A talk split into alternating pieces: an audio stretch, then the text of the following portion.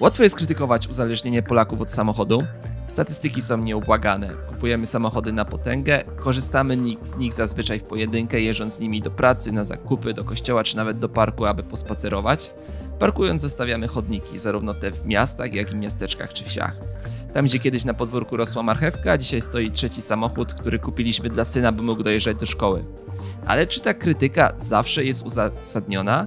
Kto i w jaki sposób uzależnił Polaków od samochodów? I czy mieszkaniec polskich średnich miast ma dzisiaj alternatywę dla samochodu? Witajcie w Międzymiastowo, podcaście miejskim tworzonym przez Klub Jagielloński. Ja nazywam się Jakub Kucharczuk, a moim dzisiejszym rozmówcą jest Bartosz Jakubowski, autor podcastu Węzeł Przesiadkowy, ekspert Centrum Analiz Klubu Jagiellońskiego do spraw transportu. Międzymiastowo, podcast miejski Klubu Jagiellońskiego. Zanim zaczniemy naszą dzisiejszą rozmowę o transporcie lokalnym, to mam do Was prośbę.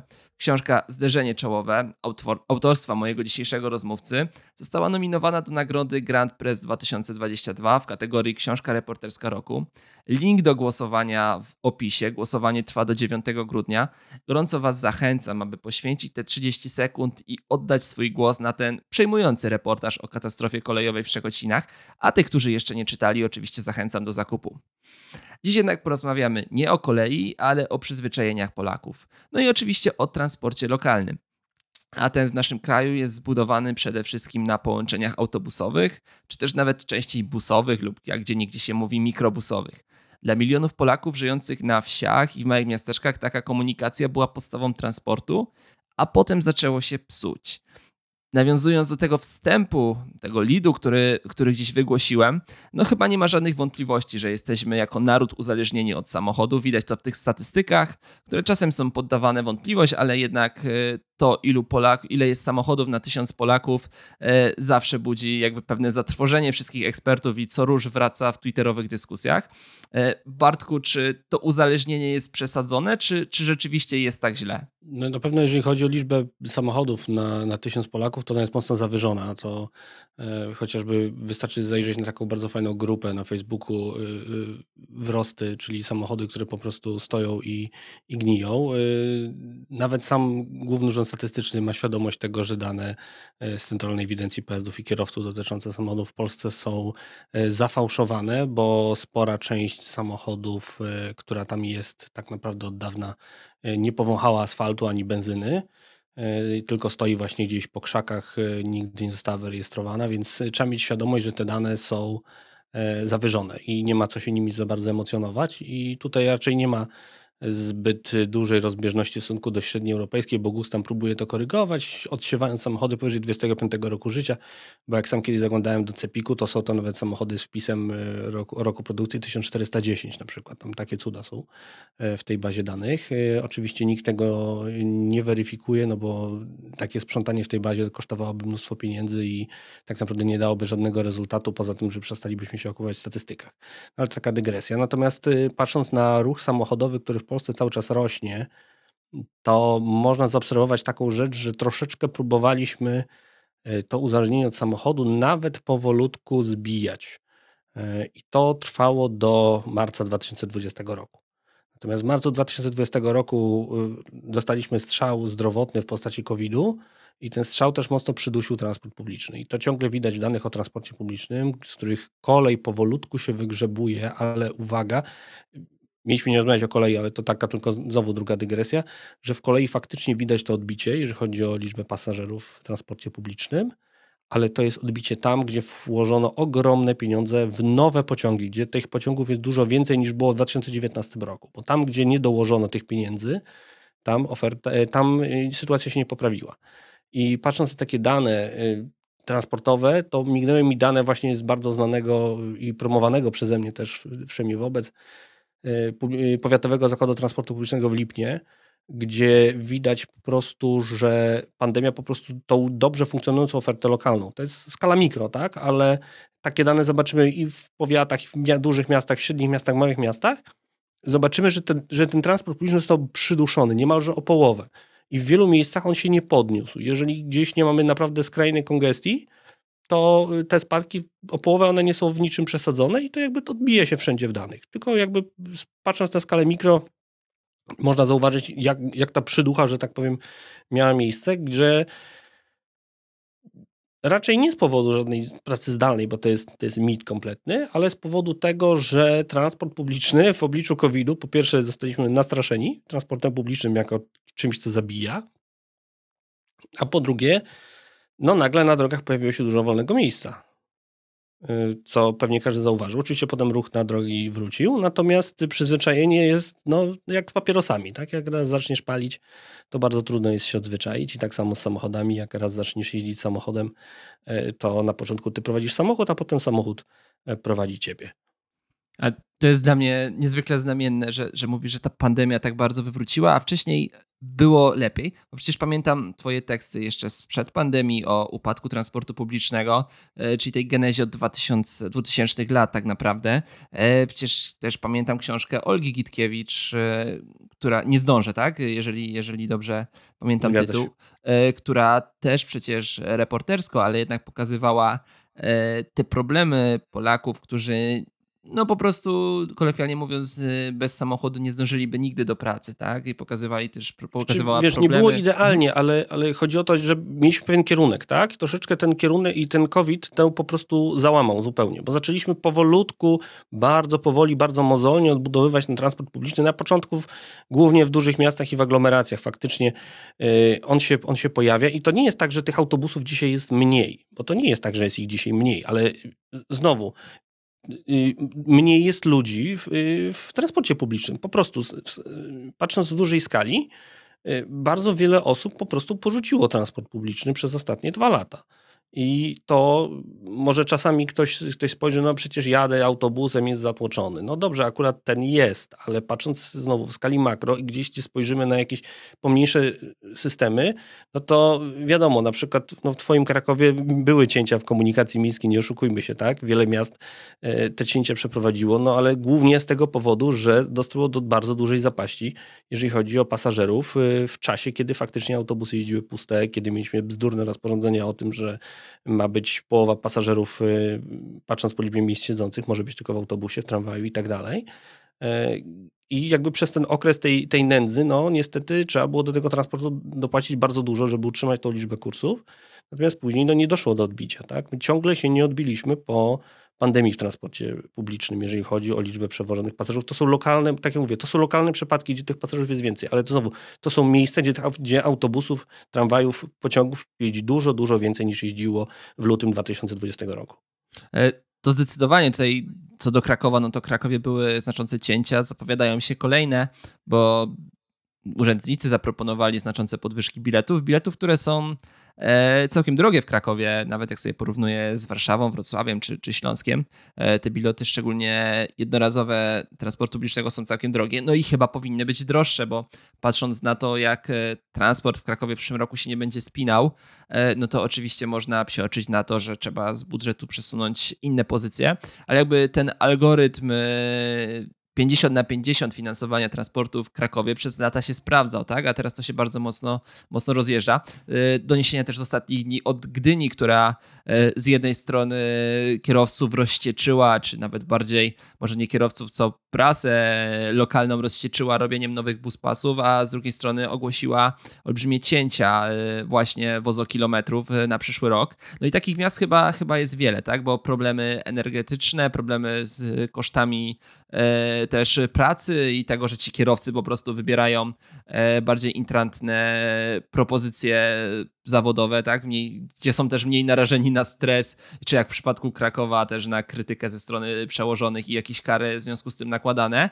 Mm, no ale chciałbym cię zapytać, E, w takim razie, bo trochę przyznam, że wywróciłeś mi rozmowę, bo chciałem jednak zapytać o, o tym, jak e, ta pandemia wpłynęła, ale na pewien trend, który, który była. Ty mówisz o tym, że ona jakby narzuciła kompletnie nowe trendy, tak? Że, że ten transport publiczny e, w jakiś sposób funkcjonował, a teraz jest no, trochę z Twoich US odczytuje, że jest tak beznadziejnie, że ciężko szukać nadziei dla transportu publicznego, też patrząc na to, jak ta przyszłość, y, najbliższy rok czy dwa wygląda. Więc y, chciałbym się zapytać w takim razie, czego się uchwycić, tak? Y, na co tacy samorządowcy, dajmy na to samorządowcy, niekoniecznie największych miast, którzy mają armię urzędników analizowania, a na co ci samorządowcy powinni patrzeć z nadzieją i, i na, do czego namawiać tych mieszkańców, tak? W jaki sposób prowadzić ich przekonać do, do transportu publicznego? Znaczy, jeżeli chodzi o namawianie mieszkańców, no to trudno namawiać mieszkańców, bo jakby transport, trzeba pamiętać, że transport publiczny czy transport w ogóle pełni y, rolę służebną wobec tego, co jest zagospodarowanie przestrzennym. Tak? I jeżeli spojrzymy na to, co samorządy sól tej ziemi y, prawda, robiła przez ostatnie lata, no to robi absolutnie wszystko, żeby transport publiczny rozwalić, niekoniecznie przez to, że ktoś go likwidował, że obcinał wozokilometry i tak dalej. Nie? Natomiast chodziło o to głównie, że miasta nam się rozlały i o tym w Międzymiastowie już było wielokrotnie, to nie będę mądrzejszy od tych, którzy znają się na tym lepiej. I e, w sytuacji, kiedy nastąpił, e, bo mamy teraz, jakby patrząc na to, co się dzieje, mamy pewien eksodus z miast. Tak? To, jest, to jest kilka rzeczy. To jest właśnie długoterminowe rozlewanie się, ale teraz na przykład czytam o tym, że e, z powodu bardzo wysokich kosztów najmu mieszkań, z powodu rosnących rat kredytów, no to ludzie na przykład odpuszczają mieszkanie w dużych miastach. Y, młodzi ludzie, którzy studiowali w jakichś miastach, wracają do domów, y, starają się, nie wiem, na przykład dojeżdżać właśnie pociągami, albo w ogóle rezygnują ze studiów i studiują w tej miejscowości, w której mieszkali, albo gdzieś dużo bliżej domu, tak? Nie, nie studiują w dużych miastach. No ale w oczywisty sposób, ale oni byli głównymi klientami na przykład transportu publicznego, jeżeli na to spojrzymy, tak? I to, że ceny y, najmu poszły w górę, no to sprawiło, że oni dzisiaj albo w ogóle nie jeżdżą transportem publicznym, albo jeżdżą y, zupełnie i w inny sposób, czyli właśnie na przykład jeżdżą tymi pociągami, które odbijają się od dna, bo okazało się, że mieszkając na przykład, nie wiem, w Bochni, lepiej jest po prostu dojeżdżać z Bochni do Krakowa pociągiem na studia, przykładowo rzucam relację, albo y, po prostu wzięli ten samochód, y, jakiś właśnie gruz 15-letni w gazie i nim dzisiaj jeżdżą i gdzieś tam zapychają drogi, starając się na tych drogach nie zginąć, chociaż to się poprawiło.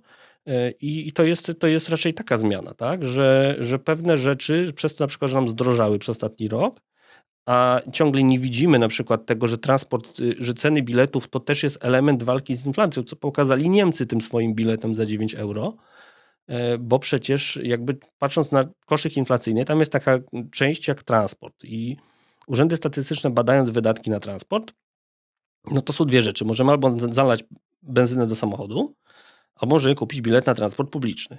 No, benzyna, jak wiemy, jest y, droga, chociaż ja uważam, że i tak nie jest droga, jak spojrzymy przykład na to, ile zdrożała energia elektryczna albo gaz ziemny. Ale no dobrze, jest droga, powiedzmy sobie, że jest jakoś tam droga, no ale nie za bardzo możemy obniżyć tą cenę.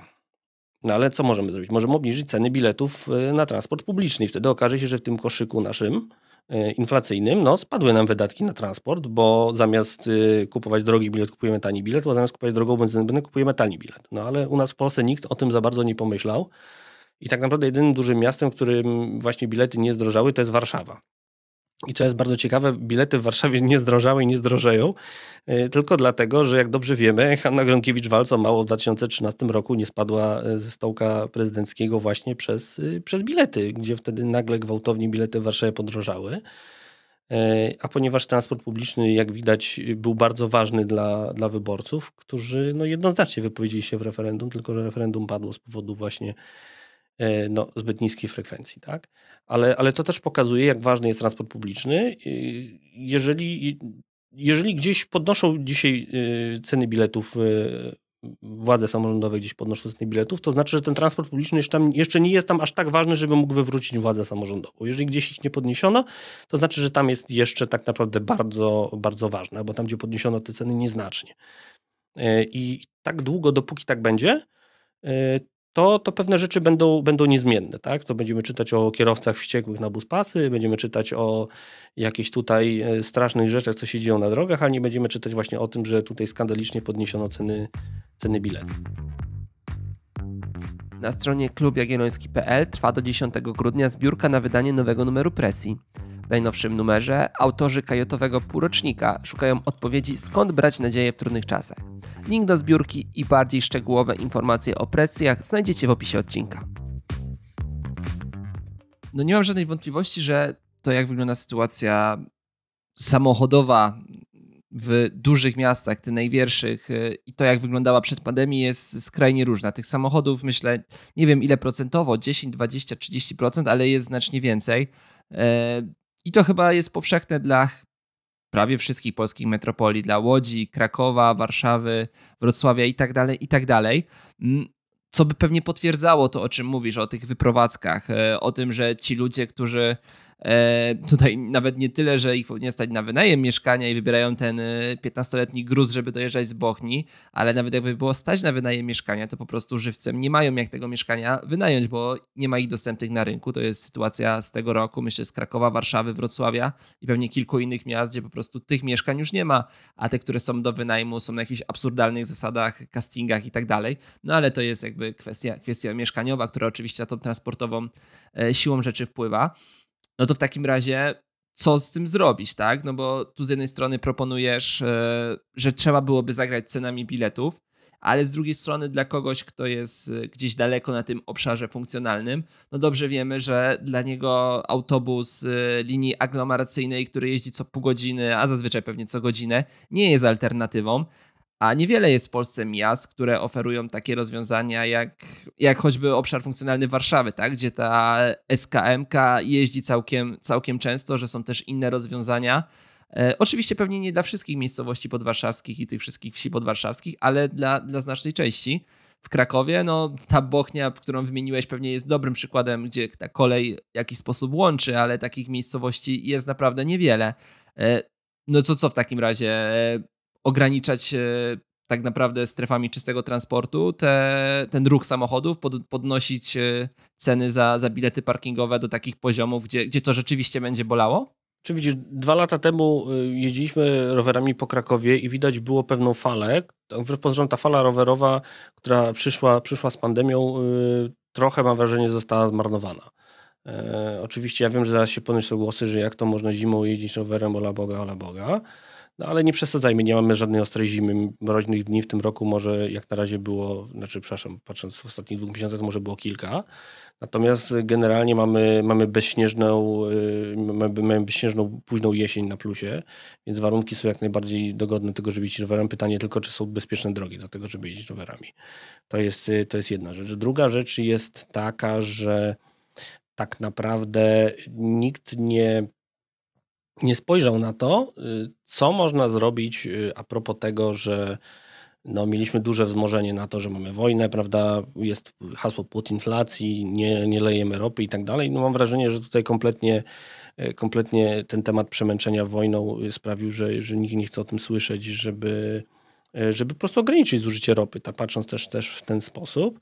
No ale trzecia właśnie rzecz to jest, to jest właśnie ta oferta, o której ty mówiłeś i o której ja też wspominałem, że, że gdzie niegdzie są miejsca, gdzie faktycznie oferta została pocięta, bilety poszły w górę, no trudno domyślać się, że, że to spowoduje jakiś pozytywny w transporcie zbiorowym, ale są jednak powoli miejsca i to nie są wcale, to nie jest wcale Warszawa, e, tylko właśnie takie miejsca, gdzieś wysepki, gdzie ktoś próbuje mimo wszystko e, robić ten transport publiczny E, na, na przekór tym, tym warunkom, jakie są teraz. Tak? No i jeżeli spojrzymy na przykład y, na to, gdzie, gdzie te wysepki są, no to to jest łódzka kolej aglomeracyjna, tak? która już nie jest stricte aglomeracyjna, tylko jest to w zasadzie przewodnik wojewódzki, tak jak koleje małopolskie czy dolnośląskie, ale na przykład właśnie też koleje dolnośląskie też wspominają o tym, że no, na nowo uruchomionej linii z Wrocławia do Świdnicy no to już się robi pełno w pociągach, tak? że, że te przewozy w miesiąc to jest 70 tysięcy pasażerów, czyli wychodzi tam po y, grubo ponad 100 osób na pociąg, a nim, może to jest mało, tak? ale mówimy, że to jest średnio 100 osób w pociągu, biorąc pod uwagę pociąg o 5 rano ze Świdnicy do Wrocławia i o 5 rano z Wrocławia do Świdnicy. Tak? Więc, y, więc patrząc na to, jak to wygląda, no to są to wy, wy, wartości całkiem przyzwoite, jak na linię, która jeszcze ma, ma spory zapas, zapas potencjału, więc wydaje mi się, że to jest kwestia tak naprawdę tego, żeby po pierwsze odbić się, y, odbić się tam, gdzie ta oferta nie, nie spadła, tak? I wydaje mi się, że mówiąc o jakichś środkach dla samorządów, jakimś wsparciu samorządów, mówi się o braku KPO, no dobrze, tylko że KPO to znowu jest pompowanie pieniędzy w, e, w czy to stawianie stali, czy lanie betonu, tak? No to są inwestycje jakby powiedzmy kapitałowe, natomiast nie ma tu stałego finansowania transportu publicznego. I wydaje mi się, że program pomocowy dla transportu publicznego, mówiąc, idący wprost, tak jak właśnie Fundusz Rozwoju Przewozów Autobusowych, idący wprost na rozwój też komunikacji, nie tylko miejskiej, tak, regionalnej, kolejowej, autobusowej, nieważne jakiej. Ważne, żeby jeździła tam, gdzie są ludzie, którzy chcą nią jeździć. Tak? To jest jakby krok taki, że że jednak te pieniądze powinny pójść w tą stronę, a nie na to, żeby obniżać VAT na y, benzynę, co jest czymś absurdalnym moim zdaniem i E, już powoli nawet widać, że Orlen powoli z cenami idzie z poziomu e, e, cena paliwa plus 8%, tak, to netto, do ceny paliwa plus 23%, chociaż VAT jeszcze jest ciągle 8%. Na, na benzynę to jest taka ciekawostka, jakby ktoś chciał przyjrzeć się, jak wyglądają ceny na stacjach, to może zauważyć, że ostatnio ceny tak właśnie zmieniają, jakby, zmieniają jakby ten, tą, tą linię, tak, jeżeli spojrzymy właśnie na to, że weźmiemy cenę hurtową plus marża plus VAT, no to nagle się okazuje, że ta marża dziwnie, dziwnie oscyluje, jakby VAT był, wynosił już 23%. 3%. To jest też taka ciekawostka. Natomiast y, wydaje mi się, że tak, celowy, celowy fundusz na rozwój transportu publicznego, każdego, już nieważne jakiego, tak? Ważne, żeby on woził pasażerów, żeby, żeby on miał jakieś rezultaty, żeby to, to było celem. Tak, celem powinno być po prostu zwiększenie podaży usług w transporcie publicznym.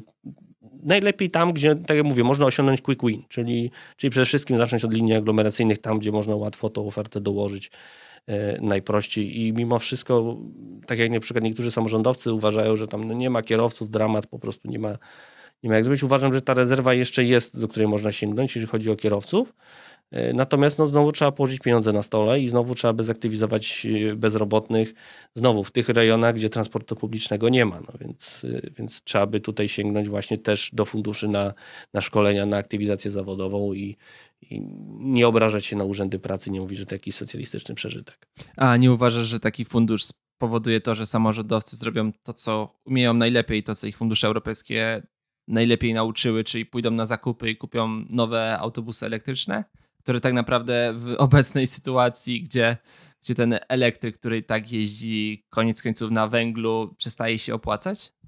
Nie, bo to nie mogą być pieniądze na zakupy właśnie, to muszą być pieniądze na finansowanie bieżące oferty, bo jakby ostatnie nabory z Funduszu Rozwoju Przewozów Autobusowych pokazują, że w praktycznie w większości województw został rozbity bank, jeżeli chodzi o pieniądze, tak? E, zostali, zostały wręcz gminy, znaczy gminy akurat nie, ale zostały powiaty, gdzie po prostu pieniędzy na transport publiczny, na ten autobusowy pozamiejski zabrakło. Czyli widać, że, że jest, że widać nareszcie, że jest chęć, tak? Że jest, widać, że to jest ważne, skoro gdzie niegdzie już pieniędzy zaczęło brakować. To nie jest tak oczywiście, że to są jakieś gigantyczne pieniądze, które y, odmienią obraz tej ziemi, tak? Natomiast y, trzeba mieć świadomość taką, że no to już nie jest te 5-10% wykorzystania Funduszu Rozwoju Przewozów Autobusowych, tylko idziemy pod 80-90%. Tak? Oczywiście są jeszcze tam outsiderzy typu właśnie województwo lubuskie, warmińsko-mazurskie, lubelskie, tak? którzy zawsze są outsiderami, jeżeli chodzi o transport publiczny. Natomiast y, mimo wszystko widać, że tam, gdzie są chętne samorządy, że tych samorządów chętnych jest już dużo, dużo więcej niż było, że tak y, że tak legendarna już kwota 13,8 miliona y, osób bez y, mieszkających w gminach, które nie organizują transportu publicznego, to już jest dawno przeżytek. To trzeba przekreślić grubą kreską i powiedzieć, że tych ludzi to już jest tak powiedzmy jedna trzecia, że już praktycznie nie ma, niewiele jest samorządów w Polsce, które na których terenie nie ma transportu publicznego. Już, jeżeli już nie gmina, to powiat, faktycznie jeszcze trochę tych miejsc jest, to nie jest tak, że jest super. Natomiast y, bardzo fajne mapy teraz publikuje Centrum Zrównoważonego Transportu. E, Krzysztof Rytel i Stanisław Biega kryją się pod tymi trzema literami i publikują bardzo fajną mapę, pokazując właśnie, które powiaty, które gminy brały pieniądze z Funduszu Rozwoju Przewozów Autobusowych. No i tych białych plam jest już naprawdę niewiele. I widać to, że, że faktycznie pieniądze na bieżącą eksploatację transportu publicznego, one idą jak świeże bułeczki. A to jest bardzo ciekawe. Skupiliśmy się w pierwszej części tej rozmowy na tych dużych miastach, e, pewnie no, to jest dla nas naturalne, tam, tam ten transport jest najbardziej rozwinięty, ale zostajmy przy tym funduszu e, wsparcia, e, wsparcia transportu autobusowego, tak? Zwanym też jak był uchwalany jako Lex PKS, tak? To był jakby część tego przywrócenia do życia PKS-u, czyli pomysłu który w idei, która wydawała się bardzo słuszna, no ale pamiętam, gdy, gdy ona była uchwalana, wprowadzana, no to jednak eksperci, w tym również ty, nie szczędziliście krytyki e, tym rozwiązaniom. E, też pamiętam, że te pierwsze lata skutkowały tym, że to wykorzystanie tych funduszy było niewielkie. Z czego wynika ta zmiana, o której teraz mówisz, że, że pieniądze, jakby, że został rozbity bank i pieniędzy zabrakło? Znaczy jedna to jest bariera mentalna, tak, która została przebita, to znaczy, że transport publiczny wszedł do, do mainstreamu i zaczęło się o tym mówić, że to jest ważne, to jest fajne, to jest potrzebne, ludzie tego chcą. To jest jedna rzecz, taka jakby miękka. Natomiast druga sprawa jest taka, że ta ustawa od tamtego czasu została poprawiona. Po prostu. E, została podniesiona stawka przede wszystkim, więc już to są 3 zł, nie 1 zł. Ma być też druga poprawka niebawem, która jest już obiecywana od dawna, czyli te umowy mają być wieloletnie. E, też nabory robione przez wojewodów są robione wcześniej i nie są robione na ostatnią chwilę, bo pierwsze dwa lata istnienia funduszu to było po prostu e, nabory robione, e, tak można powiedzieć, zupełnie nagle, przypadkowo, hop, hyc, robimy nabór i szukamy kogo, kto się zgłosi. No wiadomo było, że to, to nie może zadziałać. W samorządach musiało, że tak powiem, musiały nabrać know-how po prostu też samorządy, tak, w zakresie tego, jak to działa. No i jakby patrząc po, po trzech latach funkcjonowania, no to już funkcjonuje naprawdę nieźle, tak. No wiadomo, potrzebny był czas, to nic, nic nie działa tak od razu. E, I część rzeczy została faktycznie poprawiona. To też trzeba, trzeba przyznać, że ta, że ta krytyka trafiła na częściowo podatny grunt, bądźmy uczciwi, ale to nie tak, że to e, zupełnie obie strony były, że tylko strona rządowa popełniała błędy. Samorządy, tak jak mówię, też na początku niespecjalnie się tym interesowały i właśnie szukały wymówek, a teraz nagle się okazuje, że, że, jakoś, że jakoś potrafią, że można, E, że wszystko jest możliwe. Trochę, trochę to tak jak było, jak z tymi obiecankami o tym, że samorządy nie będą dystrybuować węgla, ola Boga, jak to będzie, straszne.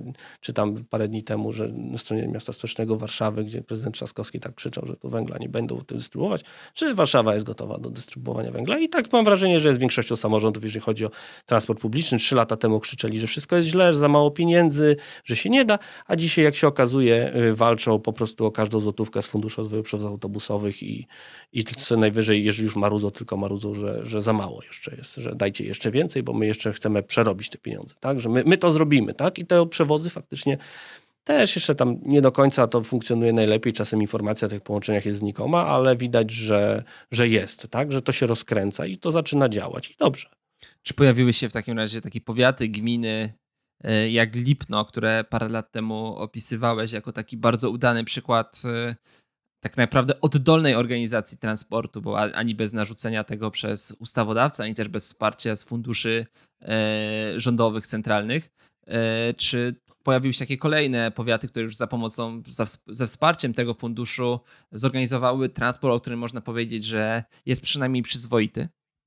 No jak najbardziej, to już, już po kraju jest, jest tego całkiem, całkiem sporo. To chociażby jest lokalny lider w postaci grodziskich przewozów autobusowych, e, są związki e, gminne i powiatowo-gminne, e, że mnie skłamał, czy powiatowi, na pewno gminne, jeżeli chodzi o, o okolice Rzeszowa, o, o, tak jak, o, to jest na przykład super sprawa, to jest Bieszczadzki Związek Gmin, który też odbił bank, jeżeli chodzi o, o linie autobusowe. Będę się im bardzo mocno przyglądał, bo, bo to, co się tam dzieje, jakby z, w ciągu 3-4 lat z rejonu najbardziej wykluczonego komunikacyjnie chcą zrobić super y, dobrze funkcjonującą sieć przewozów y, autobusowych i bardzo im kibicuję, ale też przyglądam się y, oczywiście jakby tak sceptycznie, czy to faktycznie się powiedzie. Natomiast na pewno widać, że przez ostatnie 4 lata przeszliśmy drogę, mówię, od, od kompletnego zapomnienia, od kompletnego niedasizmu do tego, że my to zrobimy, dajcie pieniądze, będziemy działać. Tak? Więc, więc widać, że zmiany w wielu miejscach są naprawdę na, na lepsze. Jeszcze trzeba trochę poczekać, żeby one były na, bardzo dobre, ale na pewno teraz już są dobre, bym powiedział. Okej. Okay. E, wspominałeś wcześniej KPO, które może będzie, może go nie będzie. Nawet jeżeli będzie, to tam wiele, wiele pieniędzy na transport publiczny się nie, się nie było zapisane, tak? Tam może PKP Intercity kupie, kupi nowe EZ-y, może jakieś tramwaje do tych dużych miast trafią, ale, ale nic więcej tam nie było zapisywane. Ale jednak e, powinny się już zaczynać i prawdopodobnie te do Polski raczej trafią e, fundusze europejskie, kolejna siedmiolatka. No i wiemy, że tamten transport publiczny, przynajmniej przez komisję, był bardzo mocno forsowany.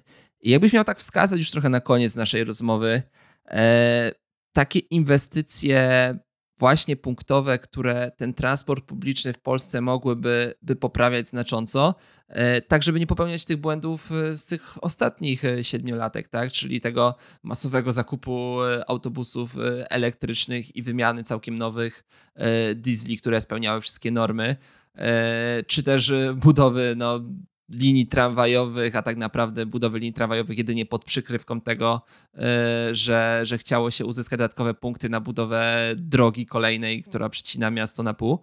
E, jakie Twoim zdaniem inwestycje są teraz najbardziej wskazane?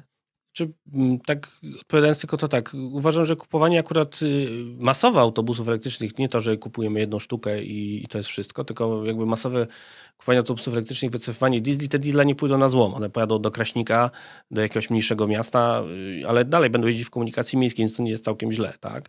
Jeśli chodzi o inwestycje punktowe, to co wspomniałeś, tak, y, budowa wielkich autostrad pod przykrywką tego, że robimy tramwaj, to jedna z największych chorób, ale taką super, super chorobą są właśnie nomen omen węzły przesiadkowe. Tak? To jest coś, co e, sprawia, że to jest taki element kultu cargo w wielu e, samorządach, że im się wydaje samorządowcom, którzy budują punkty przesiadkowe, że my zbudujemy sobie tutaj taki węzeł przesiadkowy, multimodalny, nazwijmy go tam, wymyślimy nie wiadomo co. Najwięcej z tego oczywiście kosztuje jakiś wielki parking.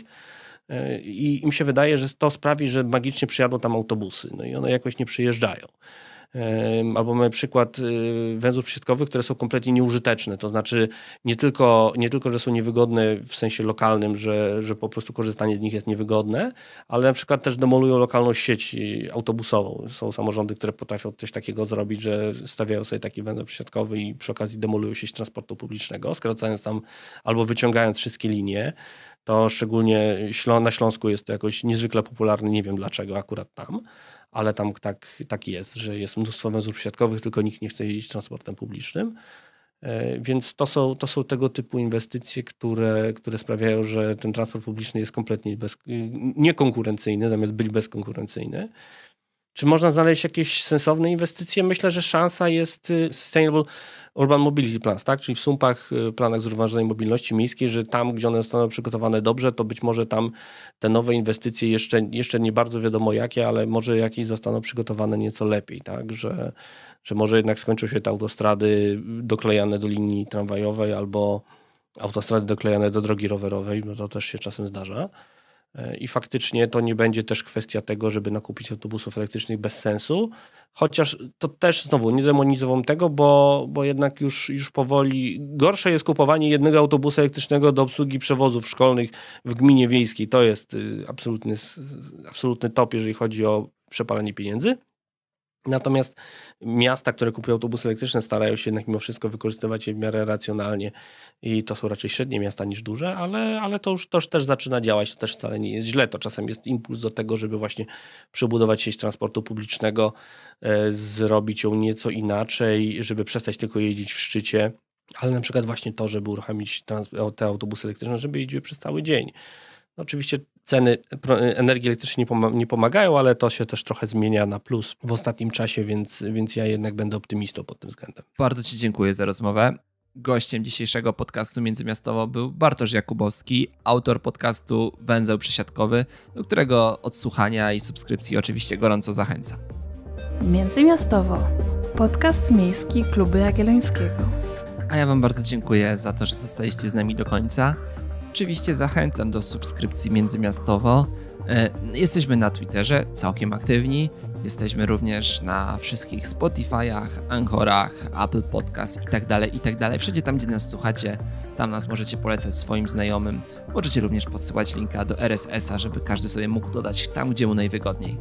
Oczywiście przypominam, że produkcja tego odcinka została sfinansowana ze środków otrzymanych w ramach rządowego programu rozwoju organizacji obywatelskich na lata 2018-2030, których operatorem jest Narodowy Instytut Wolności, Centrum Rozwoju Społeczeństwa Obywatelskiego. Jak już nasi stali słuchacze wiedzą, pozyskany grant pozwala nam od lipca 2021 roku e, rozwijać nie tylko nasz podcast, ale i inne działania w tematyce miejskiej na portalu Klub Jagielloński. Tam szukajcie nas w zakładce międzymiastowo, możecie poczytać nasze teksty, znaleźć inne archiwalne podcasty e, i również informacje o debatach. Mam nadzieję, że do usłyszenia w kolejnym odcinku. Międzymiastowo. Podcast miejski Kluby Jagiellońskiego.